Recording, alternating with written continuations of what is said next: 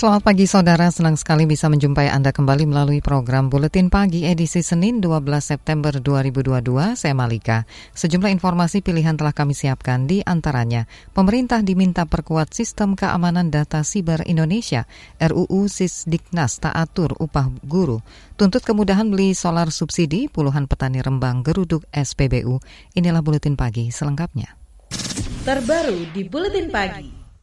Saudara Komisi yang membidangi informatika di DPR menilai munculnya aksi peretasan terang-terangan yang dilakukan peretas bernama Biorka menunjukkan lemahnya keamanan siber di tanah air. Menurut anggota Komisi yang membidangi informatika DPR, Dave Akbar Syafikarno, sistem keamanan siber di Indonesia masih perlu dioptimalkan.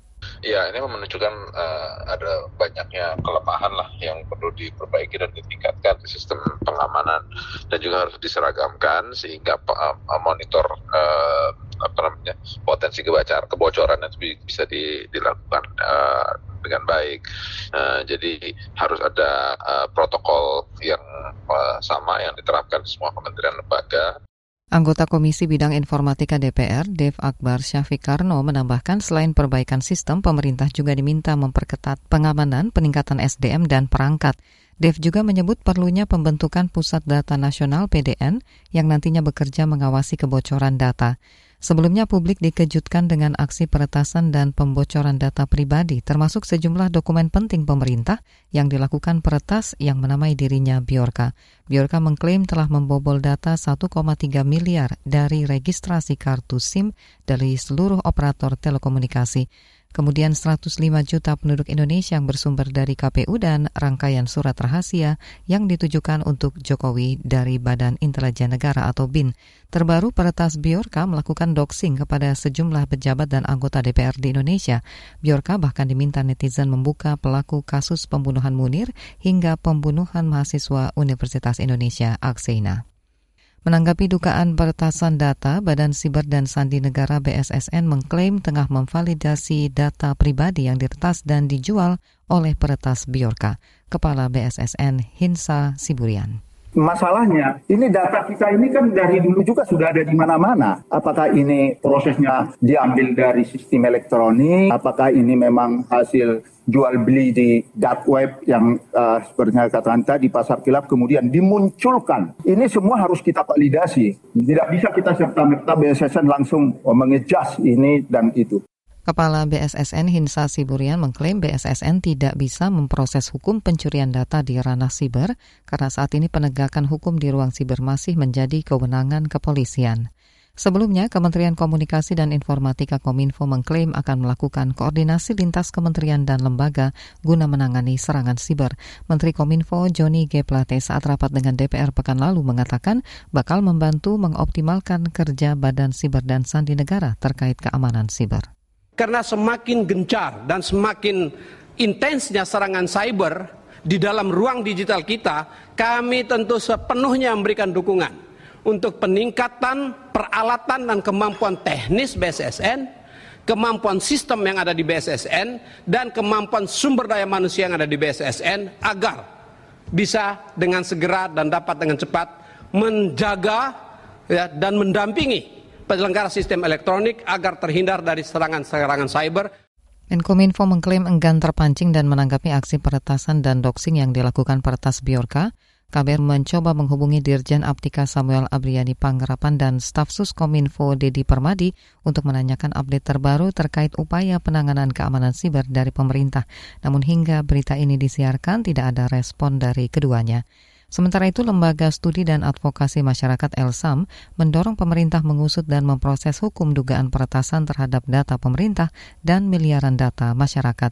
Direktur Eksekutif Elsam Wahyudi Jafar juga mendorong pembenahan sistem elektronik yang dikelola pemerintah maupun institusi lain sesuai peraturan. Eh, peraturan Presiden nomor 95 tahun 2018 tentang sistem pemerintahan berbasis elektronik yang di situ oh, sudah me, apa, mengatur sejumlah uh, persyaratan dan juga dan juga prosedur terkait dengan uh, bagaimana seharusnya sistem pemerintahan berbasis elektronik itu dikelola gitu kan termasuk dalam konteks penerapan sistem keamanannya. Nah ini yang uh, harus diperiksa apakah sudah secara konsisten itu dilakukan atau belum termasuk kemudian melakukan audit keamanan secara berkala dan sebagainya gitu kan. Direktur Eksekutif Elsa Wahyudi Jafar menambahkan kepercayaan publik ke pemerintah dan institusi yang berwenang menjamin keamanan data menurun imbas dari peretasan itu. Terlebih kata Wahyudi, data yang seharusnya sangat dirahasiakan juga diretas dalam kasus ini. Elsa meminta agar RUU Keamanan Siber dan RUU Perlindungan Data Pribadi segera disahkan. Saudara akun Twitter Biorka, at Biorkanism, ditangguhkan oleh Twitter pada minggu sore kemarin. Sebelumnya Biorka sempat menjadi sorotan karena diduga meretas dan menyebar data pemerintah hingga para pejabat. Akun Twitternya mendapat lebih dari 200 ribu pengikut. Dalam unggahannya, Biorka sempat menyinggung soal kasus pembunuhan Munir, juga mengomentari sejumlah pejabat, antara lain Menkominfo Joni G. Puan Maharani, Erick Thohir hingga akun Denny Siregar. DPR mendorong pemerintah ubah kriteria orang miskin. Informasinya hadir sesaat lagi, tetaplah di Buletin Pagi KBR. You're listening to KBR Pride, podcast for curious mind. Enjoy!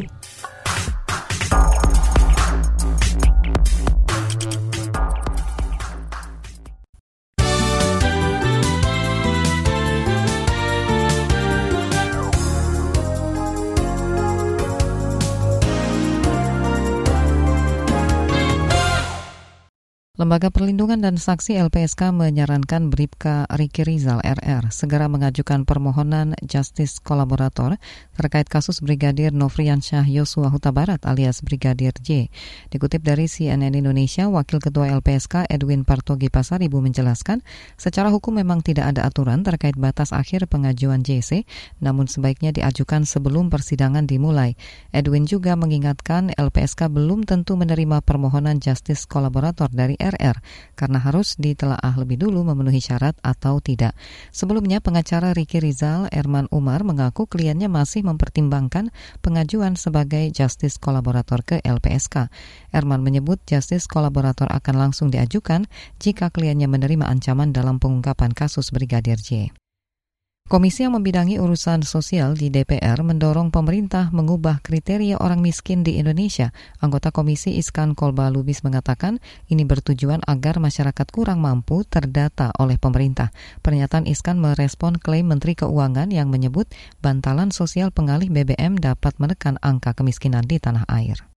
Yang dimaksud miskin itu harus didesain ulang lagi apa yang dimaksud miskin. Kalau orang cuma dikasih umpamanya 200 ribu, tiba-tiba anaknya tiap tahun nambah satu, terus gimana? Kan gini, di Indonesia ini standar kemiskinan juga terlalu jauh. Jadi kalau dihitung standar kemiskinan di PBB itu, di Indonesia itu mungkin ada sekitar 50 sampai 60 juta. Bukan 10 juta, bukan. Itu 10 juta itu sekitar miskin yang sangat melarat lah istilahnya itu kan. Kalau kita ngikuti standar PBB, yang miskin di Indonesia sekitar 50 juta. Iskan Kolba Lubis yang juga politisi PKS menyatakan tidak ada bukti perubahan angka kemiskinan yang ditunjukkan dengan menurunnya jumlah penerima program Keluarga Harapan PKH setelah diberikan bantalan subsidi BBM. Apalagi saat ini kata Iskan banyak masyarakat yang semakin tertekan kenaikan harga bahan pokok imbas kenaikan harga BBM bersubsidi. Pengamat pendidikan menilai kebijakan anggaran pendidikan di rancangan Undang-Undang Sistem Pendidikan Nasional RUU Sisdiknas belum jelas sebagai payung hukum. Pengamat pendidikan Doni Kusuma beralasan belet RUU Sisdiknas tidak banyak mengatur terkait biaya pendidikan nasional, termasuk soal anggaran guru.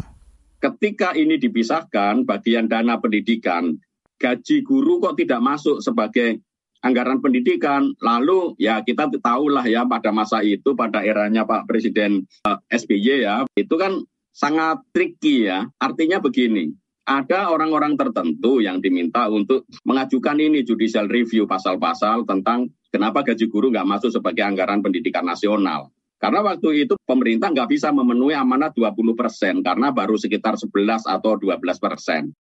Pengamat pendidikan Doni Kusuma menambahkan anggaran pendidikan nasional harus menyentuh pembangunan sekolah di wilayah terdepan, tertinggal, dan terluar.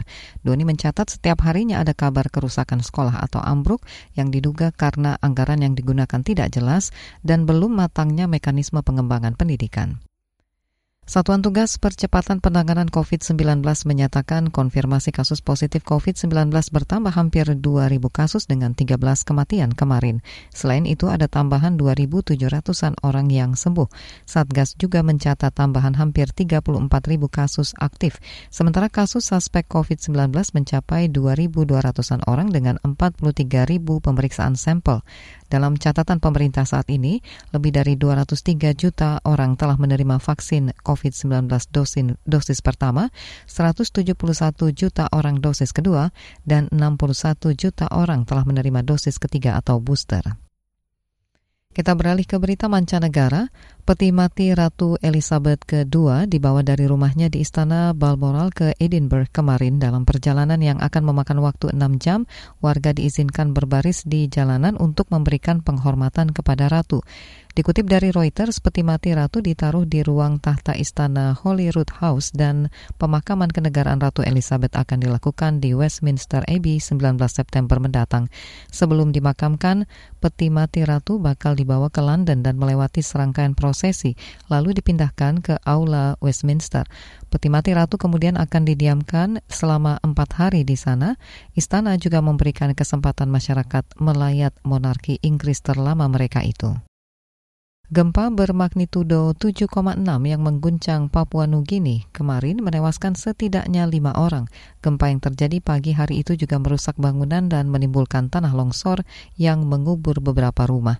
Dikutip dari AFP, gempa juga menewaskan tiga pekerja tambang di wilayah Korangga alluvial mining.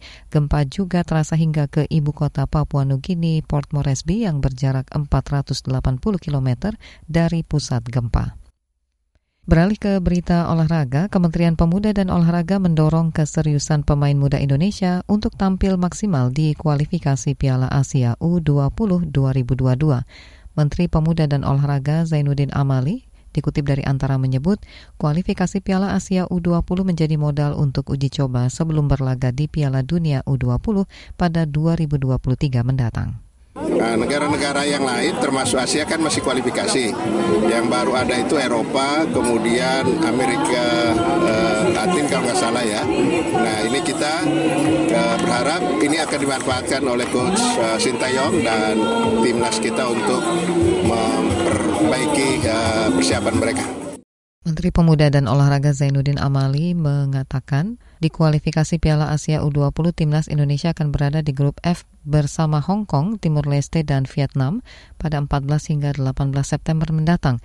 Di laga perdana grup F Indonesia akan menghadapi Timur Leste di Stadion Gelora Bung Tomo di Surabaya, Jawa Timur pada 14 September mendatang.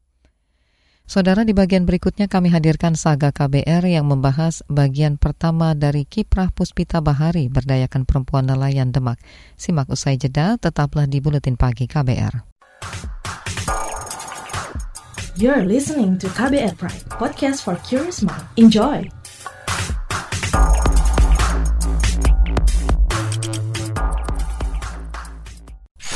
Commercial break.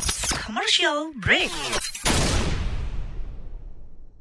Ada kesedihan, air mata, dan trauma. Namun ada juga gelak tawa, bahagia, dan rasa bangga. Cerita kehidupan manusia adalah perjuangan dan pembelajaran. Pertanyaan dibalik itu secara psikologi, apakah dia punya niat membunuh? Kan belum tentu. Saya kaget ketika ada konflik sesama orang Madura sendiri mengatasnamakan aliran keagamaan. Sejak itu, warga Syiah harus mengungsi sampai sekarang. Untuk kehidupan saya pada waktu itu aja nggak menentu kan. Boro-boro mikirin untuk perpustakaan gitu. Saga, cerita tentang nama, peristiwa, dan fakta. Liputan khas KBR ini telah memenangkan berbagai penghargaan nasional dan internasional. Anda sedang mendengarkan program Saga Produksi KBR. Simak di program Buletin Pagi pukul 6 waktu Indonesia Barat, Buletin Sore pukul 16 waktu Indonesia Barat, dan KBR Pagi pukul 7 waktu Indonesia Barat. Dengarkan Saga di radio jaringan KBR di Nusantara atau streaming di kbr.id. Saga juga hadir dalam bentuk podcast di kbrprime.id. KBR Inspiratif Terpercaya.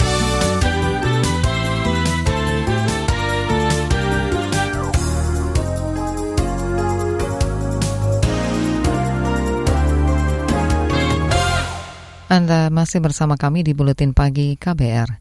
Saudara, kemiskinan menjadi momok selama puluhan tahun bagi perempuan nelayan di Demak, Jawa Tengah. Setelah menikah, rata-rata mereka menganggur dan menjadi ibu rumah tangga. Belitan kemiskinan juga membuat mereka tak bisa mengakses pendidikan dan rentan menjadi korban kekerasan dalam rumah tangga. Hal ini mengusik Mas Nuah sehingga menginisiasi pendirian kelompok Puspita Bahari. Lewat wadah tersebut ia memotivasi perempuan-perempuan nelayan untuk mandiri dan berdaya. Bagaimana lika-liku perjuangannya? Simak kisahnya bagian pertama yang disusun jurnalis KBR Valda Kustarini.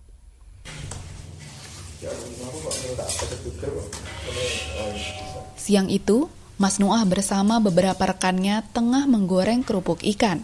Setelah dikemas, kerupuk siap dijual. Kerupuk itu mereka produksi dan pasarkan sendiri. Mereka tergabung dalam Koperasi Puspita Bahari yang beranggotakan perempuan nelayan Desa Moronemak, Demak, Jawa Tengah.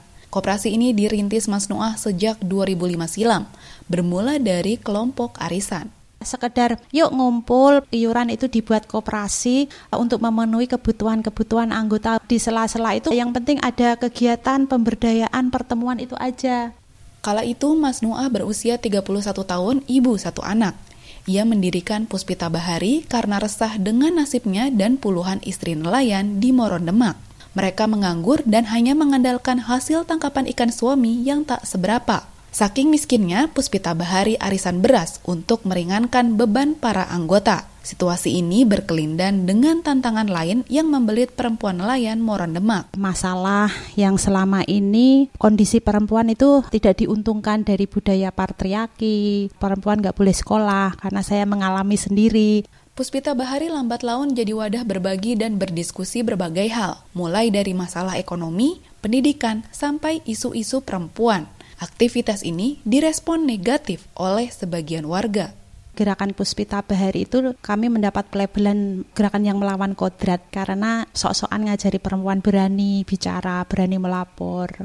Kerasnya tekanan dari masyarakat membuat satu persatu anggota Puspita Bahari mundur. Tapi Mas Nuah tak patah arang meski sendirian. Selama setahun ia menimba ilmu dan bergerilya membangun jaringan. Ia mengubah strategi Puspita Bahari dengan mulai pemberdayaan ekonomi. Kemandirian ekonomi perempuan nelayan itu penting sehingga kalau ekonomi itu imbang nggak hanya duduk di rumah jadi korban atau sampai nggak makan karena nggak ada usaha karena aku mengalami sendiri. Usahanya berbuah hasil.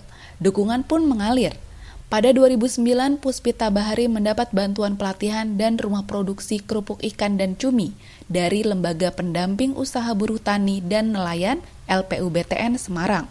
Kini banyak perempuan nelayan yang memproduksi sendiri kerupuk ikan di rumah masing-masing. Jadi kami mulai melakukan pemberdayaan ekonomi memproduksi, memanfaatkan ikan-ikan yang murah yang terbuang. Yuk membuat kerupuk, nanti hasilnya kita bagi bersama. Dari hasil itu banyak orang-orang yang aku ikut dong, aku ikut kerja. Usaha kerupuk dan crispy hasil laut berjalan hingga sekarang. Pemasarannya pun tak lagi hanya mengandalkan pengepul, tapi mulai masuk ke warung-warung di luar desa Morondemak. Keberhasilan ini membuat Puspita Bahari diterima warga sehingga bisa menjalankan berbagai aktivitas pemberdayaan lain. Anggotanya pun bertambah menjadi 150-an perempuan. Sekarang teman-teman ini pada cari pasar sendiri-sendiri. Sekarang yang membuat kerupuk nggak anggota Puspita Bahari aja, orang di luar Puspita Bahari buat kintal-kintalan karena dibuat oleh-oleh. Saya gabung di Puspita Bahari sejak tahun 2010. Waktu itu saya kena KDRT dan saya mencari keadilan itu susah sekali. Dulu saya tidak berani ngomong dan Hidayah berani didampingi Puspita Bahari yang bekerja sama dengan LBH Apik ya, kala menjadi korban kekerasan dalam rumah tangga. Ia akhirnya berani melawan dan melaporkan suaminya ke polisi. Orang Merodema itu kalau kena korban KDRT itu disalahkan. Nah salah satunya yang peduli perempuan itu Puspita Bahari. Jadi perempuan tidak boleh disia-siakan. Itu yang buat saya bangkit. Melalui proses panjang, pada 2011, suami Hidayah dijebloskan ke penjara selama dua bulan. Peristiwa ini memberi efek jera ke masyarakat Moron Demak. Kalau saya tidak berani maju, ya mungkin KDRT merajalela. Di Puspita Bahari, Hidayah menjabat koordinator produksi. Dari sini saya yang ngawasi Produksinya banyak sekali, ada seriting crispy, urang crispy, bayak udang, intip, kerupuk ikan, kerupuk cumi. Perempuan 48 tahun ini juga berhasil membuka usaha kerupuk ikannya sendiri. Jadi selain didampingi KDRT-nya, ekonominya juga diperdulikan. Kalau sebulan ya sampai bersih ya dapat satu juta lima ratusan. Selain itu, Hidayah bertugas sebagai paralegal untuk kasus kekerasan terhadap perempuan. Ia mendapat pelatihan dari LBH Apik. Hidayah berharap Puspita Bahari bakal terus berkiprah memberdayakan perempuan-perempuan nelayan. Jangan sampai Puspita Bahari ini berhenti sampai di sini. Harus ada generasi penerus dari saya dari Puspita Bahari. Demikian Saga KBR, saya Valda Kustarini. You're listening to KBR Pride, podcast for curious mind. Enjoy!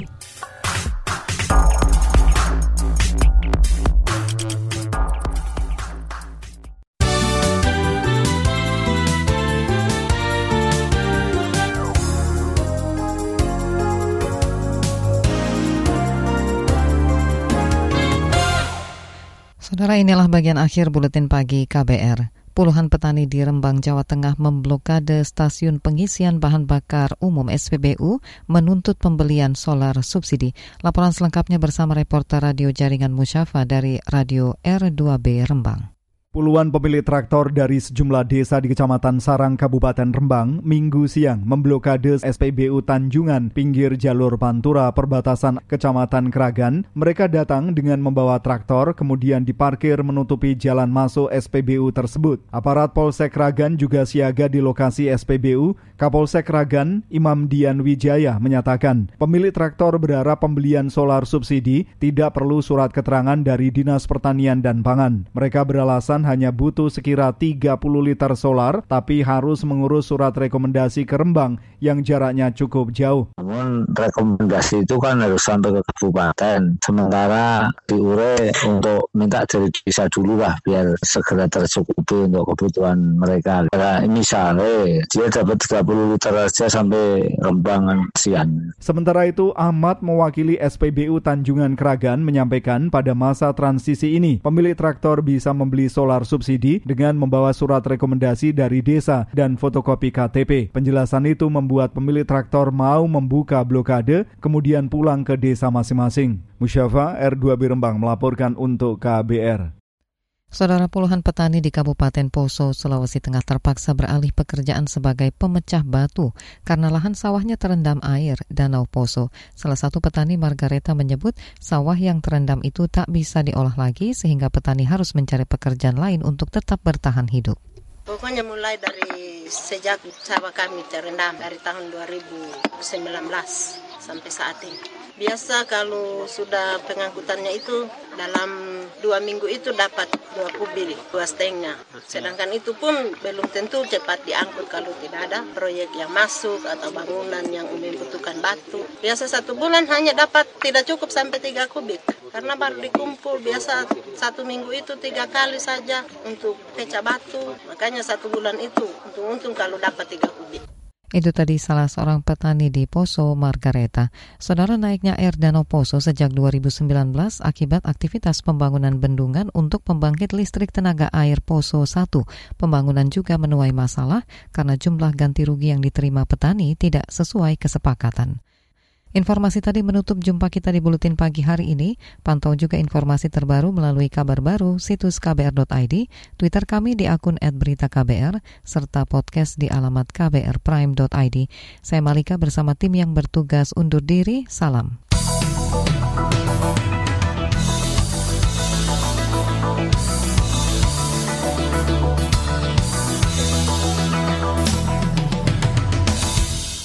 KBR Prime, cara asik mendengar berita. KBR Prime, podcast for curious mind.